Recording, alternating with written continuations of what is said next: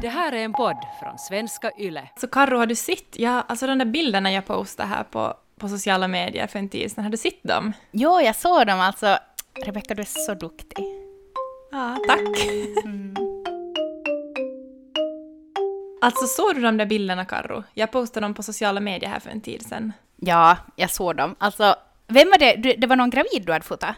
Ja, ja, det är en familj som jag har fotat flera gånger. Ja, jag såg det att ni hade, det, alltså det syns det på något sätt i, den där, i de där fotona att ni, att ni hade som en relation på något mm. sätt. Men var det någon du känt från förr eller, eller var det bara att du hade fotat dem liksom flera gånger? Nej, det är nog bara att jag har fotat dem flera gånger och det på något sätt blir ju att man skapar ju en relation. Ja. Och det är ju det som jag vill också få fram i bilderna. Det är så fint alltid när dina bilder dyker upp i flödet så, alltså jag vet ju att det är dina bilder. Det är som, åh. Mm. Åh. Det är så fint.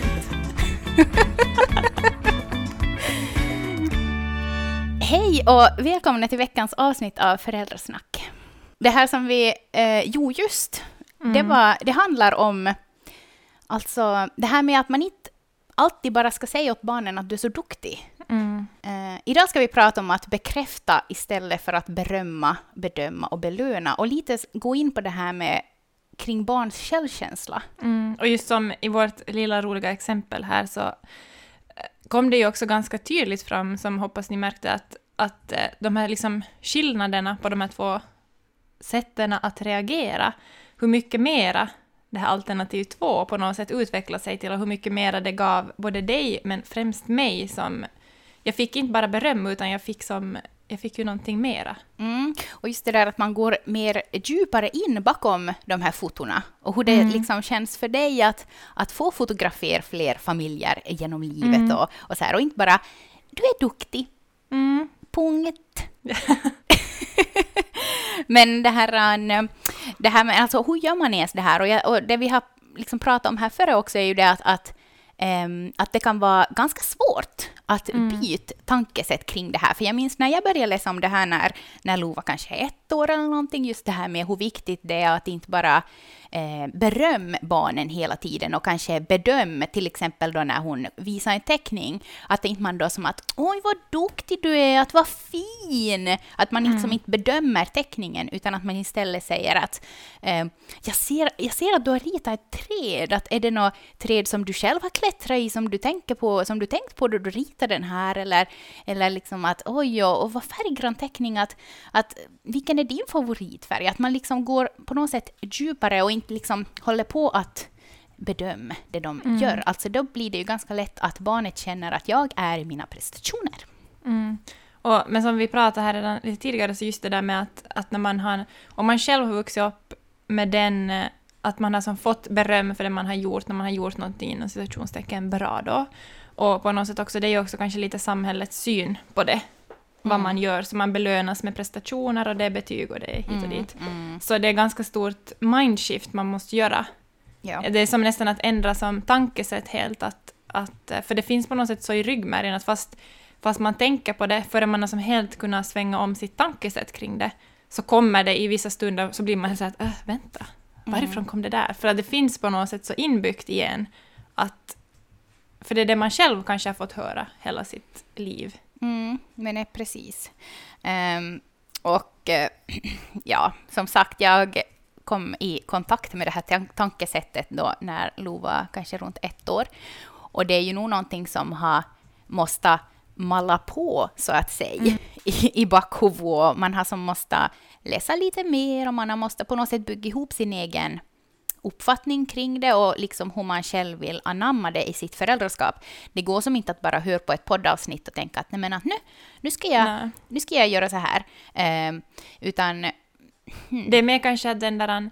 Eh, man, det måste väckas en sån liten nyfikenhet och på något mm. sätt förståelse kanske också kring att man kan se på sig själv lite utifrån sett och se hur har, hur har det varit för mig och vad, hur ser samhället ut, hur, hur, hur är det verkligen med förväntningar och vad, hur mycket, alltså hur, hur har vi gjort hittills, hur har jag haft det och hur vill man göra? Mm. Och på något sätt sakta börja, om man vill ändra sitt tankesätt kring det och göra någonting mer av det, så låta det som växa fram, som du mm. sa just med tiden. Mm. Att det är inte bara så där att jag läser en bok och sen har jag ändrat min syn på föräldraskap för resten av livet. ja, precis. Och sen är det ju också det att barn är ju ganska smarta. Så att ja. om du läser en bok och får för dig att, nej, att, att nu, nu ska jag ändra precis, nu ska jag göra det efter den här metoden. Så barnen märker ju det och Ja. liksom att jaha, att nu, nu, vad är det som händer här? Att nu Mm. börjar mamma med några nya jottor här. Att, att är det någonting som jag har gjort fel för att hon känner att hon måste ändra sitt sätt mot mig?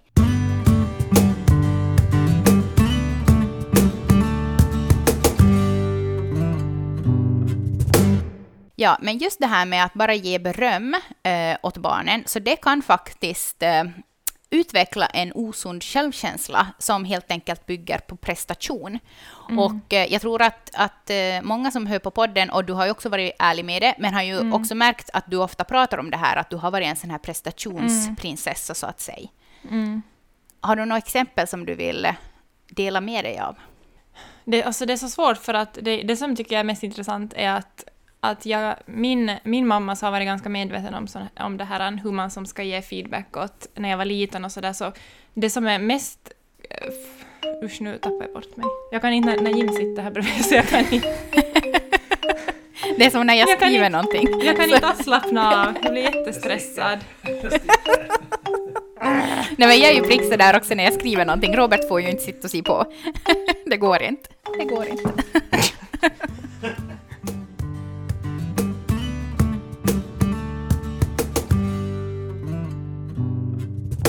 Ja, men det här med att, att en, det var kanske det också när vi skulle börja prata om det, när vi ska ta upp det här ämnet, för jag, jag får ju flera gånger sådär att jag tänker jättemycket på det här med hur kan jag som ge en bra självkänsla åt mina barn och vara liksom också medveten om att det handlar inte bara om vad jag ger åt dem, men att det jag ger så är ju som en grund för dem. Mm, mm. Men eh, att det går inte bara med att, just som vi redan sa, att det är inte sådär en jotto, då kommer de att få. Jag kan ge, ge en bra självkänsla sådär, bara Nej. genom att jag vill göra det, utan det är ju någonting som måste genomsyra liksom hela föräldraskapet och deras liksom, när de växer upp och det kommer ju säkert att ändra liksom och gå i olika vågor och sådär, men och det kan ibland kännas lite sådär maffigt tycker jag.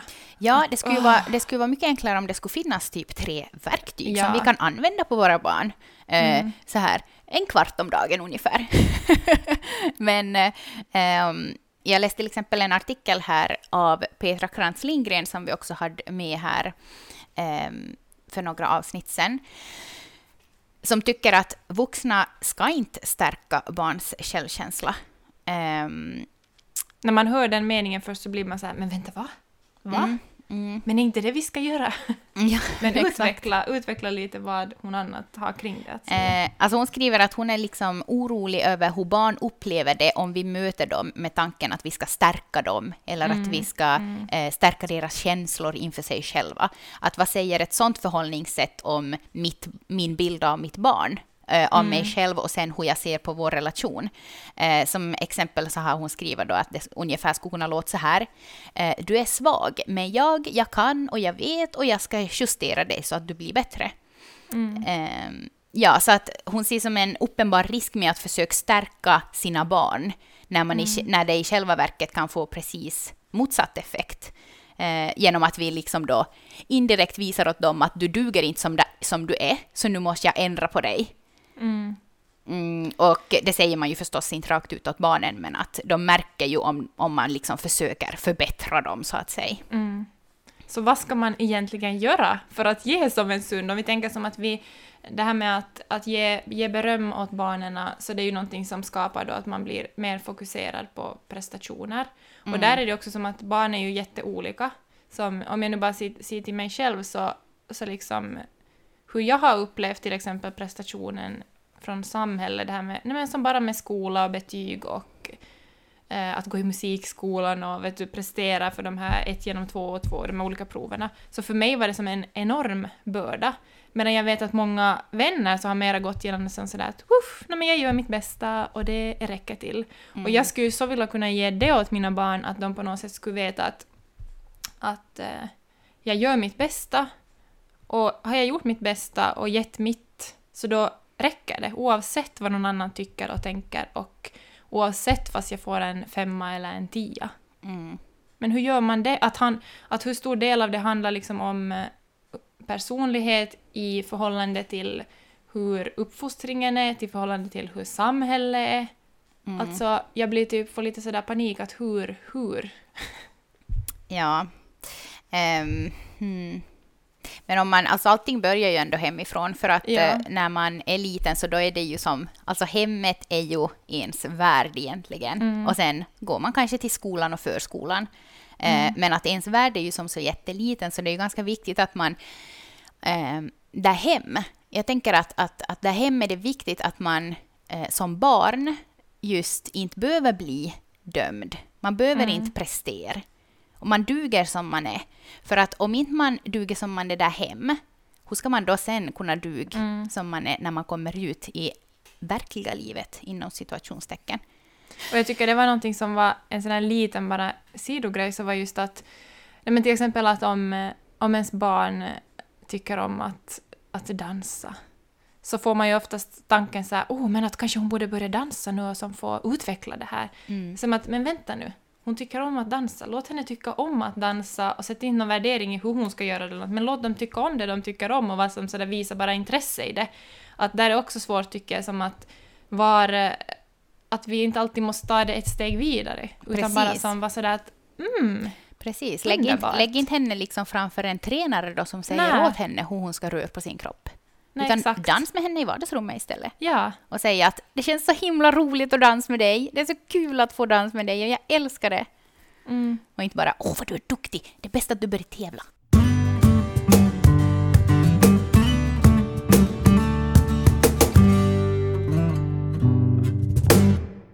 Alltså det finns ju ganska mycket sådana här listor på så här stärker du ditt barns självkänsla och, och jag har också plöjt, plöjt igenom dem där och, och alltså jag tycker nog att det finns jättemycket, jättemycket bra att hämta där. Eh, Men nå- en ny sån här insikt som jag på något sätt har fått och också som jag tänkt på innan vi skulle som spela in det här avsnittet är just det här som du sa att det kan kännas så massivt. mm, Vet du att, eh, att var, när man pratar om barns självkänsla, att var ska man ens börja? Och liksom att hur, hur tänker jag kring det här? Eh, och hur har jag upplevt det? Så jag måste riktigt som börja som tänkt tillbaks till hur jag har tänkt under eh, mina nu då sex år som förälder här, då jag ändå har aktivt tänkt på det här med att jag vill stärka barnen i deras självkänsla och jag vill liksom att de ska ha skinn på näsan och jag vill att de ska kunna säga ifrån och att jag vill att de ska känna att de duger som de är och så här. Men det jag har helt klart kommit fram till är ju som att, eh, att jag, som, jag som individ kan som inte du göra på ett visst sätt för att jag ska veta att nu har jag pumpat Nej. i Lo här Nej. 10 procent idag, eh, självkänsla. Nu har jag imorgon, kanske det kommer upp till 20 procent. Utan det är ju egentligen i samspelet och i relationen som ehm, alltså som självkänslan helt enkelt byggs i hemmet. Jo, och sen tänker jag att på ett sätt är det skönt, den insikten, att det är inte bara en, en, en sak som jag ska göra. Och sam, men samtidigt kan det också kännas som att oj, kommer jag att klara det här? Eller jag kan känna så också, speciellt om man själv har kämpat med att inte haft en bra självkänsla och det har påverkat ens liv jättemycket. Så då kan man få sådär med att ah, uh. Men jag tänker att som, det är ändå en lättnad i det att, att det, det är någonting som vi skapar med åren också. Ja, men precis. sen- jag tänker också ja. att sådana relationer som ehm, är präglade av liksom intresse eh, mellan både barn och föräldrar samt eh, andra som står barnet nära, typ mor och farföräldrar. Sen respekt, empati, ärlighet och att liksom ha kul. Och sen att man är engagerad. De är ju inte, då vet du, de, de kommer ju inte så här. De kommer ju Nej. inte på ett ögonblick, utan det tar ju tid. Eh, och eh, det är utmanande och det är också kanske därför som jag har kommit till insikt med att jag kan som inte sätta fingret på vad exakt det är som jag försöker göra när jag Nej. aktivt tänker på att jag vill att mina barn ska växa upp eh, med en stark självkänsla. Eh, utan det är ju någonting som jag försöker bara eh, Alltså förstår du, jag, eh, som att det, är som, det är som så lång process på något sätt. Och att det Och finns sen- inte just ja. de där bara liksom självklara. Mm. Och samtidigt det att man ser hos sina barn hur, hur olika de också är. Mm. Och att deras, liksom, ett barn kanske föds med en naturligt, vad ska man säga, starkare grund till självkänsla, eller hur, Ja. hur man ska säga, för jag tror också att vi alla är på något sätt så olika. Och hur, det är ju häftigt när man ser hos barnen också att deras behov är väldigt olika i det. Mm. Och det är det som också kommer att vara, tycker jag, spännande att se när man får följa dem, att kommer det som att, att det, de kommer att ha olika perioder när de behöver olika saker, eller kommer det, det som man nu ser att, att den här den äldsta är på det här sättet, verkar vara på det här och den mellersta är sådär. Att kommer det som att skifta eller jag tycker som det är jättehäftigt att följa med och se och känna igen olika saker. Mm, dem. verkligen. Eh, Men om vi ändå ska gå in på några av de här listorna som tipsar om hur man kan, eh, eller vad man ska helt enkelt liksom tänka på eh, i vardagen och genom hela föräldraskapet, alltså tills den dagen ert barn fyller 18 i stort sett. så det, det jag tycker är viktigast här i den här listan, så det är som uppmärksamhet, kärlek, respekt och realistiska förväntningar. Mm. Men om vi ska börja med uppmärksamhet. Jag läste någonting så otroligt bra igår. Och jag sa det redan åt dig idag. Just det här att när ett, när ett barn söker negativ uppmärksamhet så är det för att hon eller han inte har fått tillräckligt med positiv uppmärksamhet. Och det, det där är någonting som är jättebra som, som jag tror att... Alltså det är jättebra att ha med sig i vardagen. För att det sker ju, alltså när livet händer så, så sker, men speciellt som jag också sa när vi pratade om det här redan, att, att till exempel när det kommer ett, ett nytt syskon eller det sker någonting annat i, i familjen, så då blir det ju att speciellt mitt fokus som mamma går ut till en till person. Ja. Eh, och det är ju en, inte kan man säga, det, det är ju en lycka och en kris för ett barn att få ett syskon. Mm, liksom. mm, absolut. Eh, och då på något sätt så de, de, kan de ju inte få samma uppmärksamhet som de är kanske vana att få. Mm. Och då, då, redan i den situationen så märker man ju att, att de kan börja göra inom citationstecken dumma saker för att få en förälderns uppmärksamhet. alltså de vill ha någon reaktion helt enkelt. Exakt. Och det där tycker jag också märks bara så tydligt som att är de i en period när de behöver jättemycket uppmärksamhet och man pratar vuxna emellan. Ja. Så redan i en sån situation, och jag tycker att det, det där är jättebra att ha med sig i vardagen som mera som en sån här att man kan se det där när det händer, att oj, men att nu, nu har jag inte kunnat ge tillräckligt av min uppmärksamhet åt henne, att nu, Mm. att man ser det som en sån här, istället för att tycka att åh, vad jag är dålig, att nu har jag inte kunnat ge, så mer som att oj, men vänta, bra, eller, nu. eller att bara se på barnet och tänka fan vad Ja. jobbig du är idag. Alltså du går ju nog igenom något trots nu. Att Ja. far in på Facebook och bara har någon något tips min fyraåring trotsar? Man bara som att kan Stanna du upp, se sätt till bort dig själv? telefonen. Ja. se, se, se i spegeln lite här. Ja. Ehm, sen det här med eh, respekt. Mm. Och då när man säger det så här inom föräldraskap, liksom respekt är viktigt, då kanske många tänker att man menar att barnet ska ha respekt för sina föräldrar. Men alltså, ba, alltså barnet förtjänar minst lika mycket respekt Mm. av sina föräldrar samt sina syskon. Det är ju som Mm. det, ja, det är ju på ett annat sätt, men ändå att hemmet ska vara en trygg plats. Här vet det här barnet att jag får vara mig själv.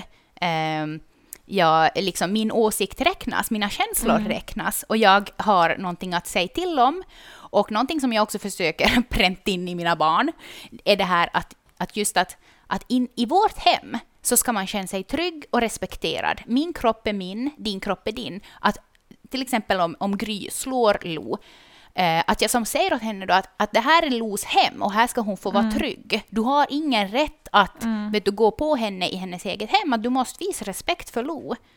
Eh, och inte då bara, vet du, ja, så där gör syskon. Eh, Vilket ju, ja, kanske inte varenda gång vet du att jag är där då och försöker som sådär. Men just att, att det där tankesättet tycker jag är jätteviktigt. Att, eh, att också barnet ska ha, få, ha rätt att ta plats i sitt eget hem och känna sig ja. liksom trygg och respekterad. Ja, och just det där som att, att man förklarar faktiskt att... Eller när det, det, oftast är det ju en situation var de är arga på varandra, det är en massa känslor. Att på något sätt sätta sig ner då med barnen och vara sådär att jag förstår att du är arg. Liksom, och på något sätt, ibland kan de ju inte få fram sina känslor i ord. Mm. Men att hjälpa dem på något sätt att hitta det och att landa med dem i det och sen förklara just det där med att, att du har inte rätt att göra det här fast du känner dig arg och det här. Mm. Och ibland så tänker man att, men att herregud, hur mycket förstår de? Mm. Mm. För det är som att de bara vill springa iväg och göra någonting annat. Mm. Men jag tänker att om man ändå gör det och har det, den tanken och upprepar det, också så att den, om det då är det ena syskonet man säger det åt och sen gör man ju det åt andra syskonet om det är tvärt emot, Ja.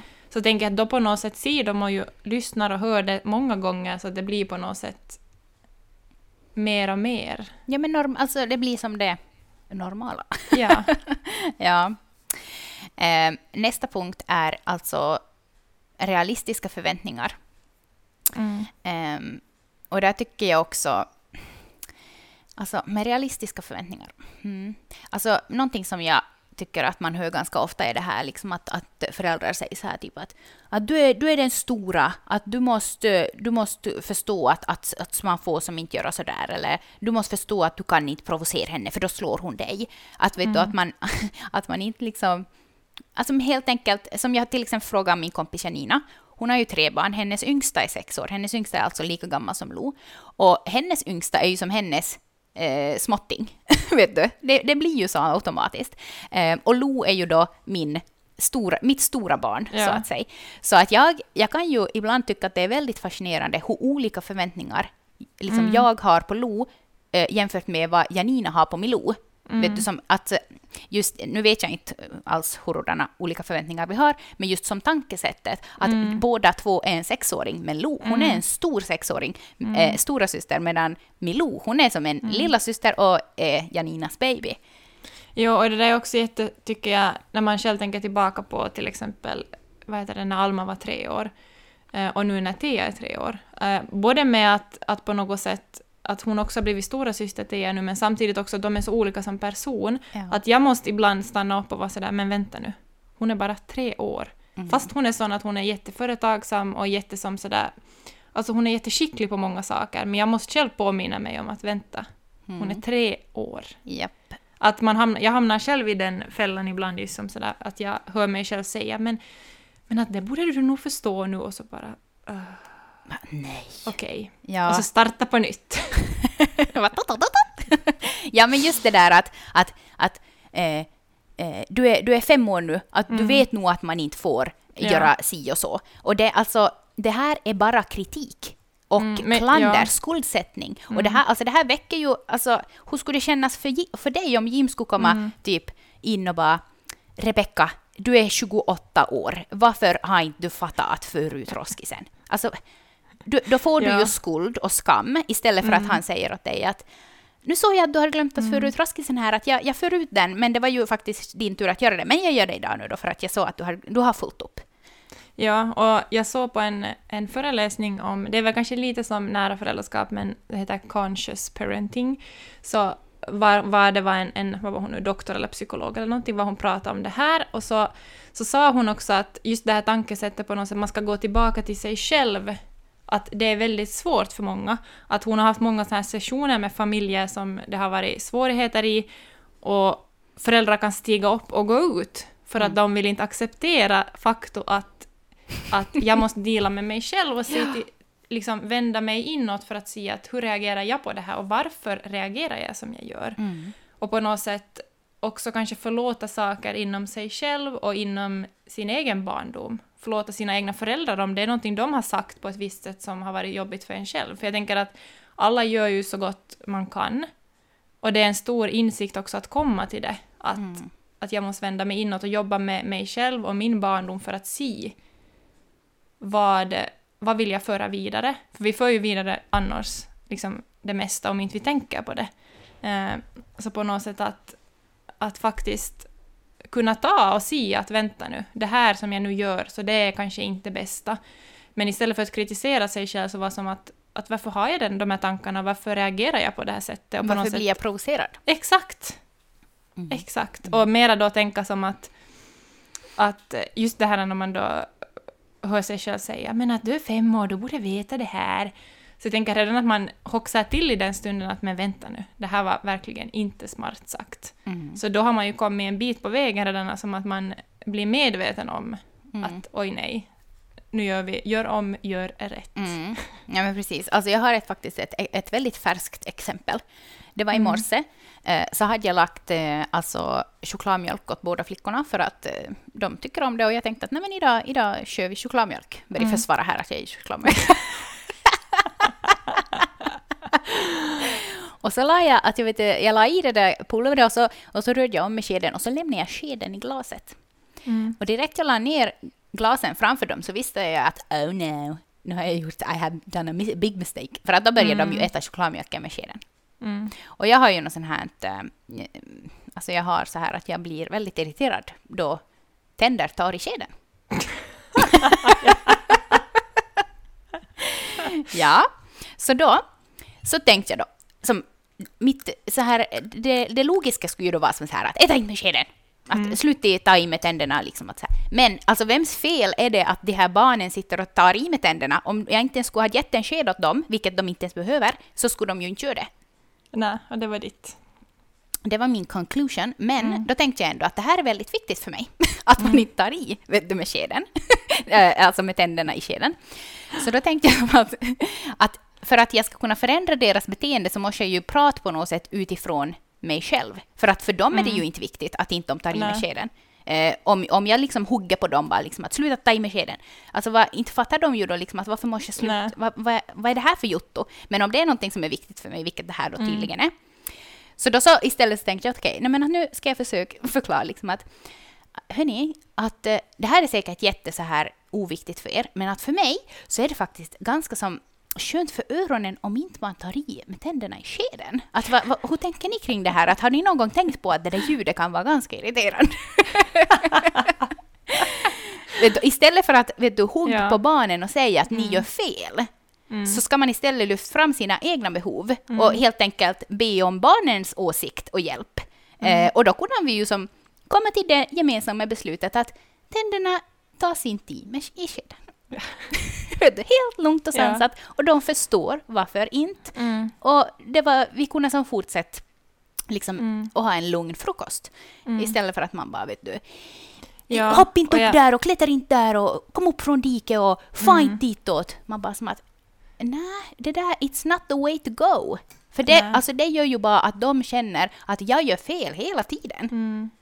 Mm. Jo, det där tror jag också är, är som på något sätt, som jag tycker att det är bra när jag har läst på flera olika ställen att, att, att barnen är liksom intelligenta. Mhm. Att om du pratar till dem, om du lär dig som att hitta ett, ett språk som också visar respekt åt dem, Mm. så då vill de, de vill ju hjälpa till. Som också Petra sa i det tidigare avsnittet när vi hade med henne, tangerade på något sätt att barnen vill ju inte göra illa eller ont mot dig som förälder. Nej, precis. De Att gör ju sitt vill ju bästa. sam- Exakt, de vill ju samarbeta och de vill ju som... Och det som då kan kallas till trotsåldern, så det är ju för att de vill så mycket, de vill ju lära sig, de vill få göra själv och de ska ju... De, för att lära sig måste de ju ha den där driven. Mm. Och också just det där med trotsålder så tror jag att det ofta kommer tillbaka till att de har ett behov som inte Mm. alltså tillgodosett, helt Mm. enkelt.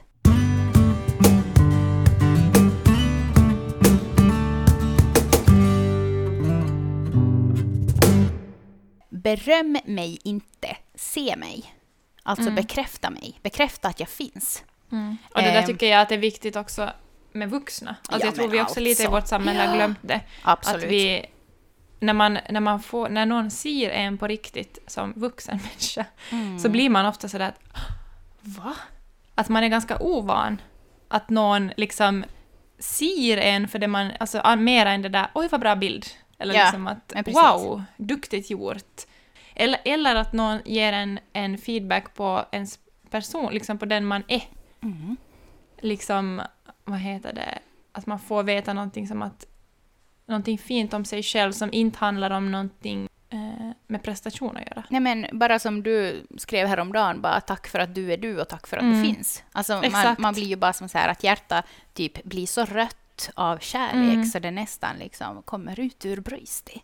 Ja, och då är det ju som att då är jag tillräcklig bara genom att jag finns. Ja, jag behöver som inte vara någonting annat. Och där, där tror jag det är helt samma sak med både vuxna och barn, men att barn på något sätt är ju i ett ännu på något sätt större behov av det, för de har inte lärt sig att klara sig utan det. För att som vuxen tycker jag man på något sätt, eller tyvärr så lär man ju sig på något sätt att, att eh, Leva utan det bara. leva utan Ja. det, och på något sätt att själv hitta det. Det normala är ju att man inte får så mycket bekräftelse Ja, ja. faktiskt. Ja.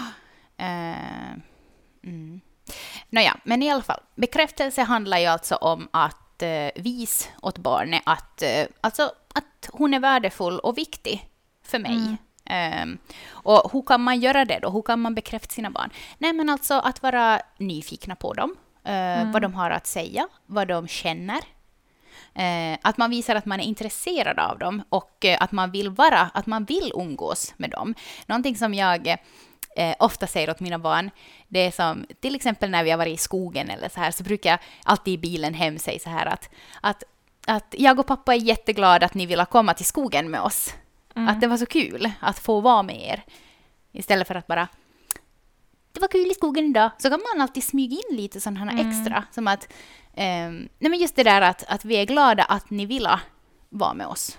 Att inte man bara tar det för givet, vet du, att, att barnen är alltid med oss och att liksom... Mm. Ja, det brukar jag på kvällen. Mm. Alltid som när man säger godnatt, som få in någon sån här liten grej också av att, att eh, vad jag kanske har varit extra glad över eller som tacksam över att få göra med dem den dagen eller att få, ja, sådana små, små saker som på något sätt är, är som jättestora tror jag i det långa loppet. Mm, mm. Eh, Lo brukar alltid fråga mig på kvällen att eh, eller hon brukar inte fråga mig, utan hon brukar säga att, att mamma, fråga vad som har varit bäst och vad som har varit värst. Ja. För det brukar jag alltid fråga av, av Robert och, och Lo och ja, lite har jag väl också börjat fråga av Gry, men att, att vad har varit bäst idag, att vad har gjort dig glad och vad har varit värst idag, vad har gjort dig ledsen eller arg. Så får man på något sätt vet du, restart och prata om de där känslorna som man har upplevt under dagen som har varit värst eller bäst. Och sen så får man ta ett djupt andetag och liksom slappna av och sen kan man få sova. Och det där har blivit någonting som är jätteviktigt för henne att, att få uttryckt de där känslorna Mm. om vad som har varit bäst. Det är ju alltid roligt då förstås. Men sen speciellt det där att vad som har varit värst. För att då får hon faktiskt som tänka efter och sen säg ut den där känslan. Mm, och det, det tycker jag är fina, för det, det, det har jag också gjort länge med, med flickorna. Men det fina är att, att när man frågar om man har gjort något så här stort den dagen, så om man frågar att vad har varit det bästa eller finaste, så är oftast någonting mycket mindre. Ja. Alltså det kan vara sådär, när du och jag var och badade. ja. Och man bara, När du satt och så- kackade och jag fick sitta bredvid. ja, vi har nog haft kalas och vi har nog gjort det här, men att ja, okej. Mm. Och det tycker jag också visar ganska mycket på att, att, eh, att det är så viktigt, för dem är det det viktigaste som finns de där stunderna när, när, vad heter det, när man faktiskt ger sin fulla uppmärksamhet åt dem. Mm, när man ser dem helt enkelt. Ja. Ja, det här, eh, jag skickade ju åt dig, när var det, var det igår? Eh, Det här med att barn behöver inga perfekta föräldrar, Mm. utan barn behöver alltså föräldrar som ser dem och Mm. lyssnar på dem helt enkelt. Och Mm. att, att, att de känner sig trygga med sina föräldrar och att de kan vara sig själv. Men just det här med att bekräfta, så det kommer ju tillbaka till det här lite som vi pratade redan om i början, just att, att istället för att berömma och bedöma så ska man alltså bekräfta barnet. Um, och som ett exempel då, um, typ att eh, Åh, oh, jag ser att du har eh, lärt dig att, att eh, ja, ge mig några exempel. Hit me, Rebecca. Nej men så det är som att, att har de, nej men bara att har de lagat ett halsband Ja. eller har de lärt sig cykla eller någonting, så mera som att visa att, att, att vara roligt. Ja. Och att inte bara som att frå, och fråga kanske att vad tänkte du med det här och vad, "Aj, du la den där pärlan där, ja, att oj, men att det där blev jättefin kombination och som att hur tänkte du? Mm, mera som sådana saker, att de Istället får för, att, berätta. ja, istället för att bara oj vad duktig du är, vad fint. Mm. För att alltså, det är jättesvårt Mm, att komma ja. bort från det där. Ja. För jag, som vi pratade om det också i förra avsnittet, så min pappa har ju också som väldigt så här tagit åt sig omkring det här och vill liksom ändra på sitt sätt. Och för honom var det ju jättesvårt och det var jättemånga gånger som han vet du, råkade säga duktig och så såg han på mig och bara som att oj shit, att, det är nog så svårt där. för att det är ju så enkelt att Ja. ta till. Mm. Och speciellt, alltså jag läste någon, någonting i någon Facebookgrupp här igår. ehm, så var det en, någon, var det någon styvmamma eller någonting som hade problem för att hennes bonusdotter bara ville vara med henne hela tiden och, och det här, hon, eh, hon tyckte som att, att, att det var ganska krävande att, att det här bonusdottern hade knutit an till henne så mycket. Mm. Fast som, att det var motstridigt för att hon uppskattade ju det ändå. Sådär. Och så skrev hon då att den där pappan, han kan som lägga sig ner i soffan och som försjunka i sin telefon. Eh, och att när han ligger där och barnet då kommer och visar någonting eller vill alltså ha uppmärksamhet så säger han bara som att mm, jo, vad duktig du är. Mm, Mm. Jättebra. Ja, jag ser vad duktig du är. Och hon blev som så här att jag vill som ta i honom och bara som skaka om honom och säga liksom att sätt bort din telefon och se ditt barn. Mm. Hon behöver inte höra att hon är duktig. Nej. Utan hon behöver en pappa som ser henne, som sitter med henne på golvet och ritar. Mm. Och där tror jag är jättebra när man faktiskt kommer till den tanken att oj, att vi vill bli bättre på att göra det här. Så då är det också, för att det som sagt, det kommer inte att ske på en, en natt, men mera som att man, man öppnar upp för det och också kan påminna varandra. För jag tänker att det, när man hamnar i någon sån där att man, är jätte, att man är trött och vardagen bara rullar på, så då kan det vara jättebra att man också påminner varandra som att kolla här älskling, sätt bort telefonen nu och gå med dem och gör det här. Mm, liksom att man precis. också kan påminna varandra om att hej, ser du nu att nu ser jag att hon behöver din uppmärksamhet. Ja, men exakt, för nu är det ju ibland så att man helt enkelt inte ser det själv om det är mycket Nej. jobb och sånt. Och ett tips som jag också har nämnt om förr här i podden tror jag, det är ju det här att sätta upp små påminnelser åt sig själv eh, på kylskåpet. Mm. Och eh, utan någon slags dömande ton i det man skriver åt sig själv och sin partner. Men att, att bara sådana här små stödpunkter som att eh, fem gånger mer kärlek, liksom att varje Mm. gång som man kritiserar sitt barn eller vet du, råkar... No, men idag till exempel så, så höll Lo i Björn på ett sätt som jag blev... Alltså jag blev förskräckt vet du att, att Mm. shit, du kan inte hålla i honom sådär. Att han faller ju. Vet du, och jag blev som, man blir ju som sådär då Ja. man blir förskräckt. Och hon blev ju superledsen. Ja, Och då, då vet du, kände hon ju som att... hon Som att- fel. Ja, men att hon, att hon hade gjort fel och att jag på något sätt trodde att hon risk... Alltså, vad heter det? Ehm, alltså hans... eh, Alltså att hon... eh, kunna, som att jag trodde att hon skulle göra någonting som skadade honom, Mm. vilket var ju det sista hon ville göra. Så då var det ju jätteviktigt att jag sen efteråt for dit och berättade åt henne varför jag reagerade som jag gjorde. Och liksom att du, du gjorde absolut inte någonting vet du, fel, att förlåt för att jag blev så arg, att jag blev som bara så vet du, förskräckt för att jag, jag tyckte att det såg ut som att han höll på att falla. Men att, att jag vet ju att du bara ville liksom ha honom i famnen och gosa med honom och han älskar ju att vara i din famn.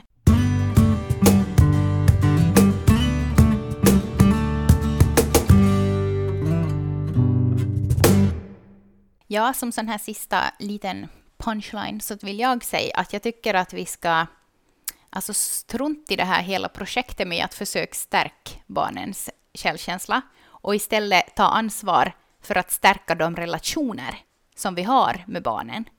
Samt att också ingripa om vi märker att det är någon relation i våra barns liv som inte är hälsosam för dem. Och med det menar jag till exempel om man har någon kompis som alltid när hon kommer och hälsar på är ironisk med våra barn. Eller om man har någon mommo som eh, pff, kritiserar mer än vad hon uppmuntrar. Alltså, var inte rädd att sätta ner foten då barnet inte hör. Och liksom förklar varför du vill att de ska göra på ett annat sätt.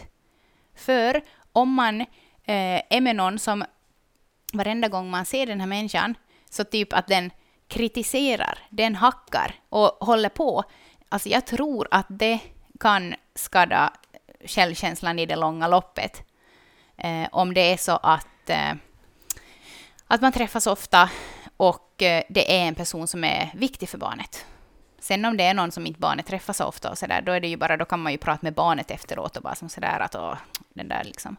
Ja, men du förstår vad jag menar. För jag tycker att det är, ans det är liksom ett ansvar man har som förälder samt som vuxen också. Bra ord. Och ganska som bara också skönt att, eller som tar den tanken att, att det är inte något projekt nu här att vi ska få deras självkänsla att bli bra, utan att det är faktiskt någonting, nej men som att det, det är vår vardag och det är vår relation och det är hela som stämningen och i familjen. Jag menar det är som, Mm. det är allt. Mm. Ja, det viktigaste är att barnen känner att mitt hem är tryggt. Jag blir inte kritiserad för vem jag är. Jag får vara mig själv, jag är värdefull, jag är viktig. Mm. Alltså inte bara grundstenen. Och att jag blir sedd liksom och att, att Ja. ja. exakt. Mm, mm, mm. Mm. Tack för en jättemysig och härlig pratstund, Mm, Rebecka. Jag var faktiskt lite nervös inför det här avsnittet, för jag tycker att det är som, som sagt ett maffigt Ja. Men det är alltid lika härligt att prata med dig. Ja. Tack för att du finns. Tack för att du finns. Det blir så här hormon. Hormonögd. Och hörni, tack för att ni finns. Ja. Vi hörs igen som vanligt nästa vecka. Ni hittar oss på arenan och där var poddar finns. Hej då! Ha det så fint. Hej då.